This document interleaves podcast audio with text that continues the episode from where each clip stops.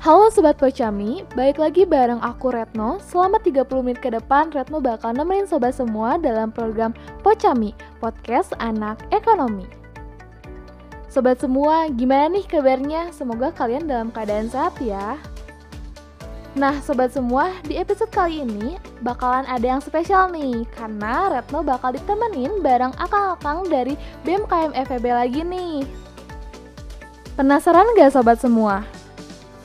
Nah, hari ini Retno bakal ditemenin sama Kang Tubagus dan Kang Rifki untuk ngobrol-ngobrol seru di Pocami. Ngobrol seru bareng anak ekonomi. Gimana nih akang-akang kabarnya? Alhamdulillah sehat ya Tut. Sehat. Gimana Kang Acil kabarnya? Alhamdulillah. Nah, boleh dong akang sekalian untuk memperkenalkan diri dulu dan berperan sebagai apa sih di BMKM sendiri? Nah kayaknya Kang Tutur dulu deh ya. Ya, baik. Mungkin dari saya dulu ya. Eh, sebelumnya eh, izin memperkenalkan diri, nama saya Tubagus Muhammad Turawan. Di periode kabinet eh, Adigama ini saya diamani sebagai eh, wakil kepala bidang sosial dan politik. Nah selanjutnya ada saya, nama saya Rifki Fadilah. Panggil aja Acil di Sikaragok. Nah di sini saya menjadi staf kastrat di BMKM FEB. Oke, aku panggil Kang Tubagus, Kang Tutur ya, dan juga uh, Kang Rifki, Kang Acil ya, biar lebih afdol lagi. Nah, boleh dong jelasin ada apa aja sih di bidang dan juga departemen yang ada di BMKM FEB sendiri? Lalu peran dan fungsi masing-masing bidangnya itu apa aja sih? Mungkin banyak nih dari Sobat Pocami semua yang masih bingung dan mungkin nggak tahu nih bidang dan departemen yang ada di BMKM FEB itu sendiri. Oke, nah uh, tadi kan Kang Tutu berperan sebagai wakil kepala bidang dari Sospol sendiri ya Kang. Nah mungkin belum ada yang tahu nih wakil kepala bidang itu berperannya itu sebagai apa gitu jelasnya. Mungkin boleh dijelasin nih oleh Kang Tutur. Nah, eh, mohon maaf ya, kepala bidang saya Telusi Purnawati kebetulan berhalangan hadir karena ada dan satu lain hal mungkin untuk si tupoksi wakil kepala bidang sendiri itu saya bertanggung jawab kepala kepada uh, kabit saya dan saya bertanggung jawab kepada departemen-departemen yang ada di Sospol gitu di antaranya itu Kastrat, Adkesma maupun Sosma sendiri gitu sih. Oke, tadi kan sempat disebutkan ya oleh Kang Tutur tadi ada departemen kasat sendiri gitu ya kajian dan strategis. Nah, kebetulan ada juga perwakilannya nih dari departemen kasat sendiri oleh Kang Acil. Nah, boleh dong Kang Acil dijelasin kastrat itu tuh seperti apa gitu departemen kastrat? Ya baik uh, mungkin kastrat sendiri itu singkatan ya uh, kastrat itu yaitu kajian aksi dan strategis di mana kita di situ uh, untuk mencari mencari isu-isu yang ada di dalam kampus maupun di luar kampus. Nah setelah mencari lalu kita mengkajinya mengkaji isu-isu yang di dalam kampus ataupun di luar kampus. Nah setelah dikaji di situ kita harus menyatakan sikap nih uh, dari isu-isu tersebut begitu. Oke, nah tadi kan baru dijelasin nih Departemen Kasat ya Kang. Nah boleh dong tadi kan ada lagi dua departemen lagi ya Kang yang belum dijelaskan. Nah boleh dikasih tahu nih departemen itu berperan sebagai apa sih di bidang sosial politik ini? Ya mungkin tadi dari Kastrat sendiri udah dijelasin nih oleh Kang Ripki Acil ya rekan saya itu yang mantap itu Kang. Lalu untuk selanjutnya itu ada dua departemen lagi nih di Sospol yaitu Adkesma advokasi kesejahteraan mahasiswa dan sosma yaitu sosial masyarakat yang di mana itu Adkesma itu mempunyai tupoksi menjembatani antara pihak mahasiswa dengan pihak lembaga EPP sendiri gitu dan untuk sosmanya itu mengembangkan dan melaksanakan program-program yang berorientasi pada pengabdian masyarakat. Oke mantap wah jelas banget ya tadi mengenai uh, perannya sendiri dari Departemen Adkesma dan juga dari Departemen uh, Sosma sendiri. Nah dalam struktur organisasi BMKM FEB Unjani terdapat sekretaris bidang nih Kang. Nah peran dan fungsi sekretaris bidang dalam bidang sospol itu ada apa aja sih Kang? Oke mungkin ya sebetulnya untuk sekbid sendiri itu nggak hanya di sospol gitu terdapat di bidang-bidang lain seperti biro internal, eh, eksternal maupun di PSDM sendiri gitu. Nah, bidang di bidang sospol sendiri itu membantu perihal surat menyurat ataupun proposal yang dikeluarkan oleh bidang sospol sendiri. Setelah sekbid membuat proposal, surat keluar maupun perihal surat menyurat yang berada di bidang sospol sendiri, lalu dicek ke kembali oleh sekretaris umum mungkin tupoksi uh, sekbid di Sospol sendiri seperti itu sih teh Oke, berarti dari uh, Sekbid sendiri ya itu tuh berperan sebagai uh, administratif yang ngebantu uh, kepala dan juga wakil kepala bidang dalam hal administratif. Oke, lanjut nih Kang. Apa sih yang ngebuat Akang sekalian ngerasa nyaman dan betah di bidang sospol nih? Boleh nih dari Kang Acil dulu. Ya, uh, mungkin saya dulu ya Kang Tutur ya uh, mungkin uh, kenyamanan ini uh, kita analogikan seperti di kelas gitu ya. Kita di kelas belajar. Nah jika di kelas itu uh, memberi kenyamanan maka kita pun akan uh, mendapatkan ilmunya gitu tidak tegang. Nah mungkin yang kedua adalah kekeluargaan ya Kang Tutur. Nah di sini di bidang sospol kekeluargaannya sangat kuat alhamdulillah. Karena kita pun uh, melihat gitu uh, BEM KM FEB KM keluarga mahasiswa. Nah kita pun harus gitu menjadi keluarga di dalam organisasi ini. Lalu yang ketiga uh, mungkin ini uh, lebih spesifik ya ke kastratnya mungkin. Nah di kastrat uh, setiap diskusi gitu kita dibebaskan untuk berdiskusi sambil ngopi sambil makan sambil minum. Nah di situ kita uh, si diskusinya teh secara santai tidak ada uh, kata tegang dan kita pun bisa uh, mengeluarkan opini-opini kita secara baik karena suasana itu uh, santai dan tenang seperti itu. Oke mantap banget. Nah boleh dong dari uh, Kang Tutur sendiri nih gimana rasa kenyamanan ataupun betah nih di bidang sosial sendiri. Oke baik mungkin kalau Tutur sendiri ya kenapa sih betah di bidang sospol karena tadi udah jelasin oleh Kang Acil perihal kekeluargaan dan kenyamanan yang berada di bidang sospol dan e, menurut tutur pribadi sih kenapa sih betah di bidang sospol juga? Karena kita itu bisa langsung berhubungan dengan e, mahasiswa aktif gitu. Perihal menanyakan apa sih yang dibutuhkan mahasiswa sekarang? gitu kira-kira apa? gitu. Nanti setelah kita berhubungan dengan mahasiswa nanti apabila itu skalanya urgensi bisa kita e, ditaikan ya e, ke triwulan maupun nanti kita obrolkan dengan pihak lembaga seperti itu sih Teretno. Waduh mantap banget ya tadi perihal kenyamanan sendiri dari hal kekeluargaan kemudian satu sama lain mengasih mengasih kenyamanan gitu ya di BMKM sendiri. Nah tapi tadi sempat kesinggung nih mengenai uh, aspirasi sendiri nih Kang. Nah boleh dong uh, jelasin mengenai sistem aspirasi sendiri di FEB ini gitu khususnya. Oke baik ya mungkin eh, dijelaskan oleh saya nanti kalau ada kurang ditemani oleh ditambahi oleh rekan saya Kang Rifki Acil ya. Untuk perihal aspirasi jalur aspirasi sendiri yang ada di FEB itu biasanya kita itu dari DPM itu mengumpulkan eh, menyebar form aspirasi. Nah, lalu untuk di DPM sendiri setelah disebar form aspirasi dan ada hasil mereka melakukan kajian sendiri. Setelah DPM melakukan kajian sendiri, lalu beberapa poin yang DPM kira-kira kata DPM diangkat untuk triwulan nanti kita obrolkan. Oke, Kang tadi menyinggung mengenai aspirasi ya. Aspirasi sendiri itu e, bagaimana gitu? Kan aspirasi itu dikaji oleh bidang sosial ya, Kang, benar. Nah, itu bagaimana sistem aspirasinya sendiri? Boleh dijelasin, Kang? Oke, baik, Retno. Mungkin untuk jalur aspirasinya sendiri itu sebenarnya dari DPM dulu e, dari DPM nanti menyebarkan link aspirasi ke tiap angkatan. Jadi di situ nanti mahasiswa bisa men mengisi maupun menyampaikan apa aja yang dikeluhkan mahasiswa untuk saat ini gitu. Setelah dari DPM, lalu kita kaji bersama BEM. Iya. Setelah di BEM itu antara DPM dan BEM itu memperkuat narasi. Kira-kira perlu nggak sih aspirasi seperti ini kita angkat untuk nanti triwulan gitu sih? Mungkin mau ditambahin oleh rekan saya Kang Rifki Acil. Ya baik. Terima kasih Kang Tutur. Mungkin tadi Kang Tutur sudah menjelaskan gitu ya. Nah mungkin uh, untuk aspirasi ini uh, setelah nantinya uh, didiskusikan dengan DPM, dengan uh, Kastrat BEM dan ormawa-ormawa lainnya yang ada di FEB gitu ya. Nah, nanti e, dari situ Adkesma e, menyalurkan aspirasi ini kepada lembaga seperti itu kan tutur ya. Nah, seperti itu Teh Retno.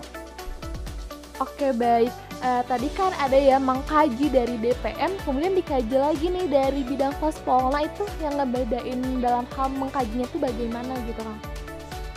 Oke baik untuk perihal pengkajian di DPM dan di BEM ya.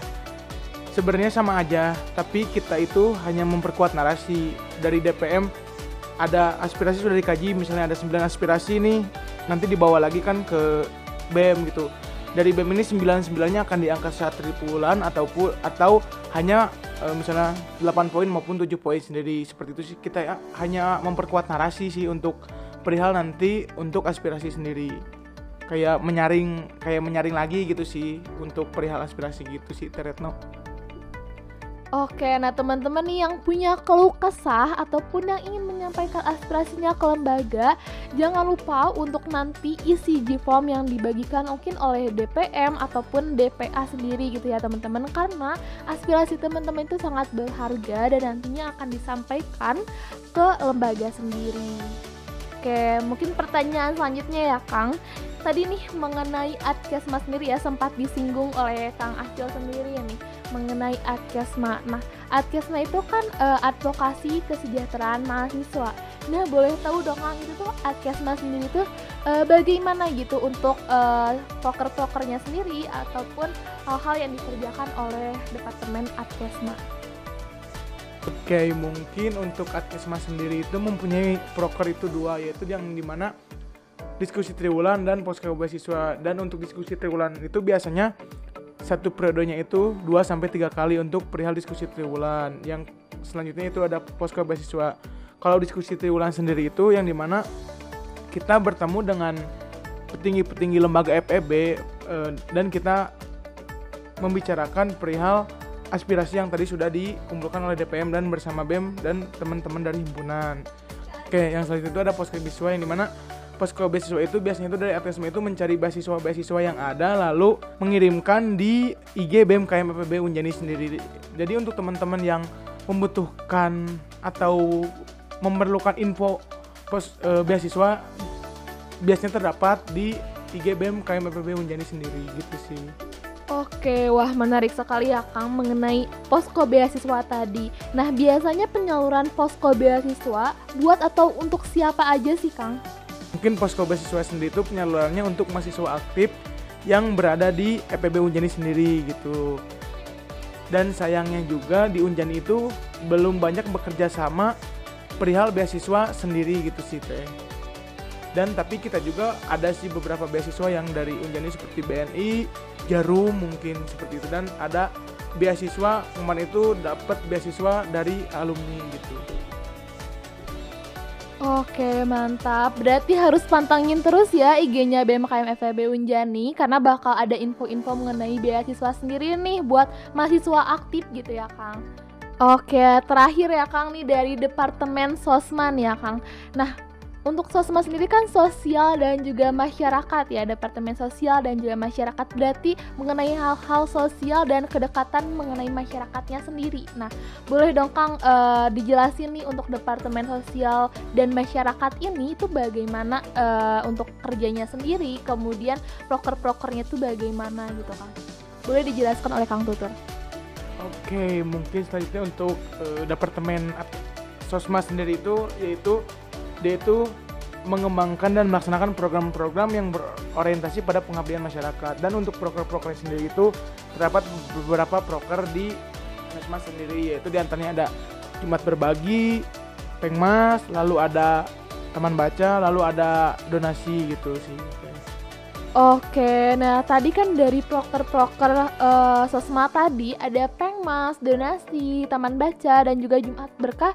Nih pasti nih yang lebih menarik gitu ya Kang untuk uh, sobat Pocami dengerin nih yaitu mengenai proker Pengmas sendiri yaitu pengabdian masyarakat. Nah, boleh dong Kang dijelasin itu tuh Pengmas tuh ke mana aja gitu ya untuk desa-desanya, kemudian uh, hambatannya sendiri juga gitu ya Kang, ditambah lagi dalam kondisi pandemi seperti ini. Oke, mungkin Pengmas sendiri itu kan dari Tridama Perguruan Tinggi yang ketiga yaitu pengabdian masyarakat yang di mana alhamdulillahnya untuk uh, periode ini kita itu Pengmas itu collab bersama himpunan-himpunannya itu bersama himpunan mahasiswa akuntansi dan bersama himpunan mahasiswa manajemen yang di mana untuk kemarin itu kita itu pengmas itu di daerah Pasir Halang di daerah KBB dan untuk perihal pengmas sendiri itu yang ada di problem yang ada di UM kami sendiri itu seperti kayak digital marketing, packaging dan laporan sederhana, laporan keuangan sederhana gitu sih teh.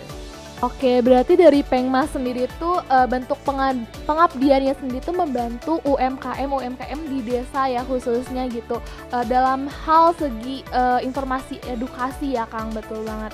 Nah, Nah, tadi kan udah membahas jauh nih mengenai bidang sospol sendiri gitu ya dari prokernya, kemudian tupoksi-tupoksinya, kemudian e, bagaimana sih departemen depart departemennya sendiri gitu kan. Nah, nih Kang, aku mau nanya nih untuk selanjutnya. Di saat e, situasi pandemi seperti ini, hal apa sih yang akan sekalian rasakan perbedaannya terhadap kinerja para pengurus di BMKM FEB sendiri? Boleh mungkin nih dari Kang Acil Oh ya baik. Uh, terima kasih Teh Retno. Mungkin uh, berbicara tentang kinerja ya uh, di Kasrat sendiri khususnya uh, kita bisa lihat uh, yang biasanya kita diskusi secara offline kita coret-coret di papan tulis. Nah tetapi untuk sekarang kita diskusi secara online karena terhalang oleh jarak dan uh, COVID-19 ini. Mudah-mudahan uh, COVID-19 ini cepat hilang ya. Nah uh, Lalu uh, selanjutnya mungkin uh, untuk berdiskusi ini kita terhalang juga gitu uh, karena di dalam Google Meet atau di dalam Zoom diskusi ini uh, selalu saja mati. Nah, tetapi berbeda ketika kita berdiskusi secara on, secara offline.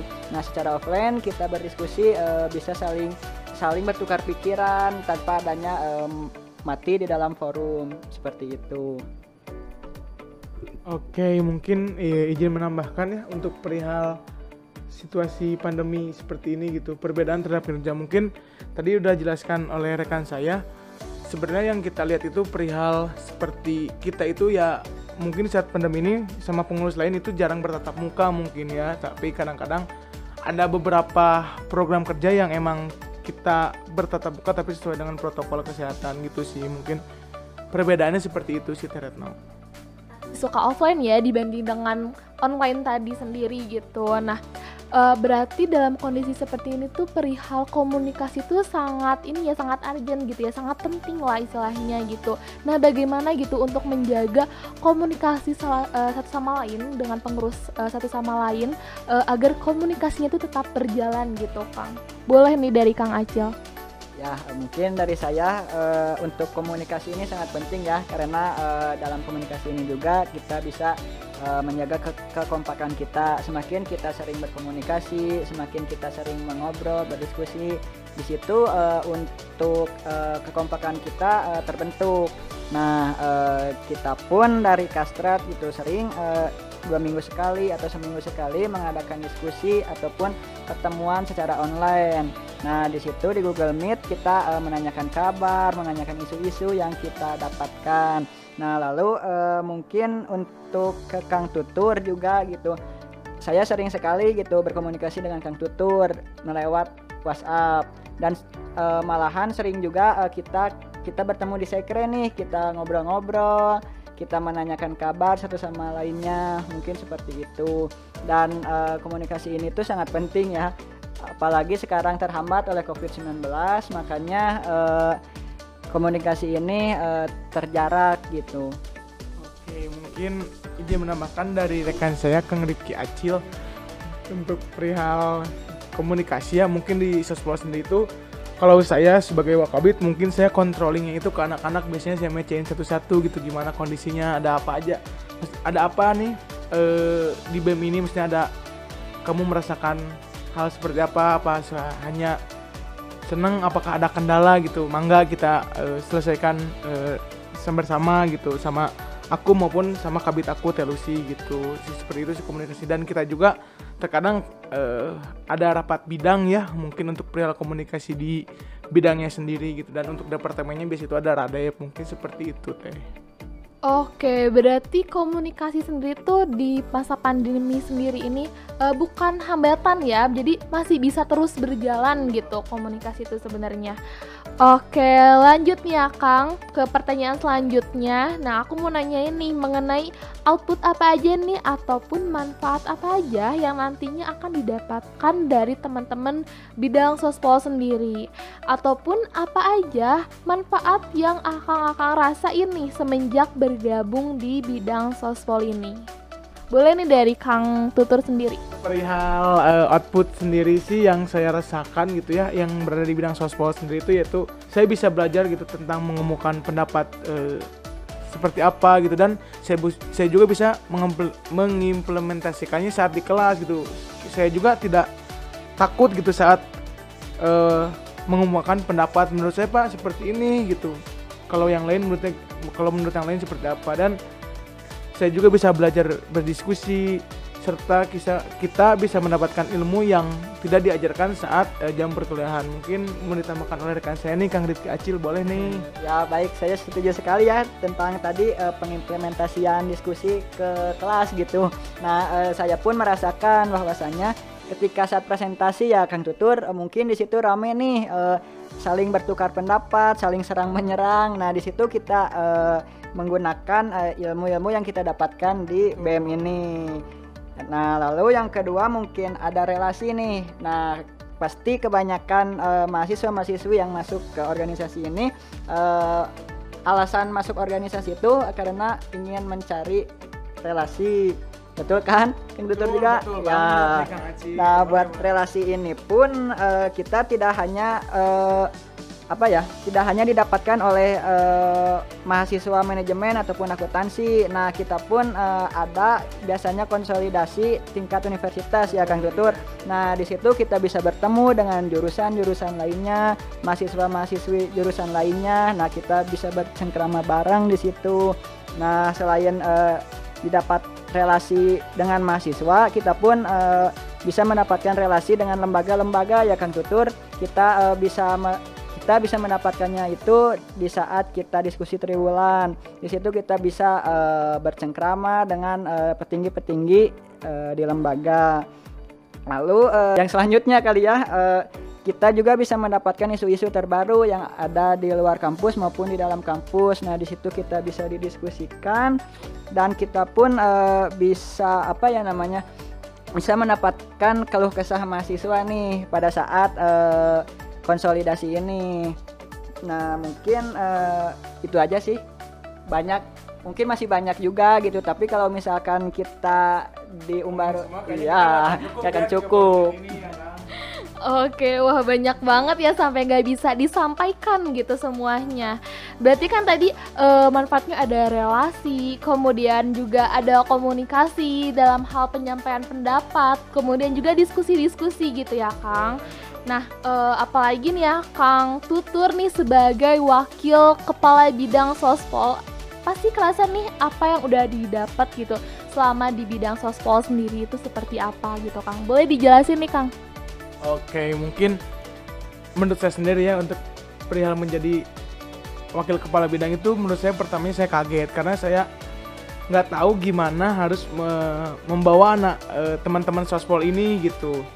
Tapi lama kelamaan untuk kepemimpinan kepemimpinan kita juga sendiri itu terbentuk gitu. Gimana kita cara e, mengatasi anak-anak yang di saat misalnya turun motivasinya nih saat berada di organisasi maupun di BEM sendiri gitu sih seperti itu sih. Dan saya juga ya senang gitu teh untuk perihal menjadi wakil kepala bidang sospol gitu. Sebenarnya saya nggak apa menurut saya yang senangnya itu di saat anak-anak saya rekan rekan-rekan saya mungkin ya bukan anak rekan-rekan saya di sospol itu dapat tertawa riang tanpa beban gitu sih mungkin menurut saya Teretno mantap banget jawabannya. Wah keren ya. Uh, kemudian mungkin uh, tadi udah yang ngejelasin mengenai manfaat-manfaat kayak gitu.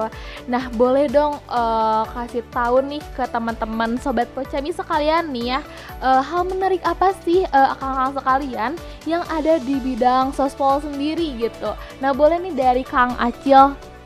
Ya, mungkin uh, yang sangat menarik gitu, uh, sangat banyak sekali ya Kang Tutur. Mungkin saya mungkin saya akan uh, apa ya yang paling menarik menurut saya adalah namanya nih sosial politik. Wah, ini sangat menarik gitu. Nah, mungkin uh, kita bisa membedah sedikit gitu ya uh, apa itu sosial, apa itu politik. Nah, di sini politik menurut Aristoteles adalah politik uh, adalah usaha yang ditempuh warga negara untuk mewujudkan kebaikan bersama. Nah, untuk sosial se uh, menurut Peter Herman adalah sesuatu yang dipahami sebagai sebuah perbedaan namun tetap merupakan satu kesatuan. Nah, mungkin kita bisa rangkum keduanya uh, dari pendapat Aristoteles dan Peter Herman, uh, mungkin sosial politik uh, tidak bisa tidak bisa dipisahkan karena jika adanya suatu perbedaan di lingkungan sosial, kita bisa memaknai ilmu politik untuk mewujudkan kebaikan bersama dan menjadi satu kesatuan yang erat. Nah, mungkin uh, bila mana nanti kita uh, masuk nih ke sospol uh, besar harapan saya gitu uh, dulu uh, ketika uh, kita mendapatkan uh, perbedaan sosial uh, saya ingin sekali gitu uh, menyatukan uh, perbedaan sosial ini menjadi satu kesatuan yang uh, untuk kebaikan bersama gitu. Nah lalu untuk prokernya nih uh, prokernya juga sangat menarik ya Kang Tutur. Uh, di sini kita bisa uh, apa ya uh, bisa mendapatkan uh, implementasian Tridharma perguruan tinggi poin ketiga yaitu pengabdian masyarakat. Nah, dengan uh, masuk ke sosial politik ke bidang sospol uh, kita mendapatkan bonus nih kita bisa mengimplementasikan uh, poin ketiga Tridharma perguruan tinggi. Nah, selain itu pun uh, ada poin kedua nih dari Tridharma perguruan tinggi yaitu penelitian dan pengembangan. Nah, di situ kita didapatkan di ngopi interaksi begitu Kang Tutur. Mungkin Kang, Dut Kang Tutur uh, bisa menambahkan? Oke, mungkin saya mau menambahkan sedikit aja ya Kang Rifki. Kalau dari saya sendiri itu pendengar proker itu yang kenapa sih saya apa menarik Ibnu Sosmol karena saya bisa bertemu dengan pimpinan lembaga fakultas, kita bisa berdiskusi santai dan yang paling menarik itu betul kata Kang Acil yang mengenai Tridharma perguruan tinggi yaitu pengabdian masyarakat. Karena saya dulu pertama daftar di Sospol ke Sosma itu karena saya menarik nih. Soalnya dari pekal kita diajarkan Tridharma perguruan tinggi dan saya menarik perihal sosial masyarakat. Apa sih sosial masyarakat? Dan saya pun tertarik untuk bergabung bersama BMKM FEB Unjani dan bergabung. Pertama saya di Sosma dulu gitu teh. Paling segitu teh. Oke, nah selanjutnya nih boleh nih akang-akang untuk ngasih tahu nih tips dan juga uh, apa ya agar tetap semangat gitu ya buat teman-teman yang nantinya mau join nih ke BMKM FEB sendiri khususnya di bidang sospol gitu. Boleh nih buat Kang Tutur dan juga Kang Acil dari Kang Acil dulu nih apa nih? Wah, kenapa saling lempar? Ya mungkin uh, tips khusus untuk masuk sospol mah nggak ada ya Kang Tutur. Uh, jadi uh, rekan-rekan semua yang mau masuk bidang sospol jangan takut nih. Uh, jangan takut uh, ada ada iming-iming sosial politik. Wah ini harus harus kritis harus gimana? nah iya.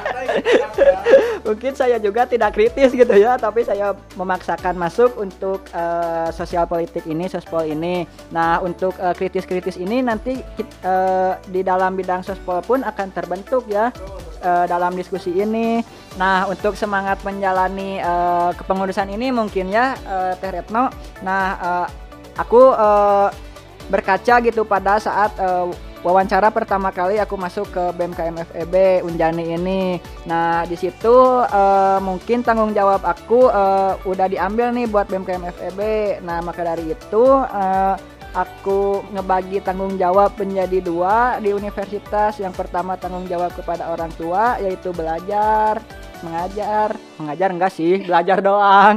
Nah lalu uh, tanggung jawab uh, organisasi. Nah di sini kita apa ya ya harus bertanggung jawab lah kepada kepada organisasi ini.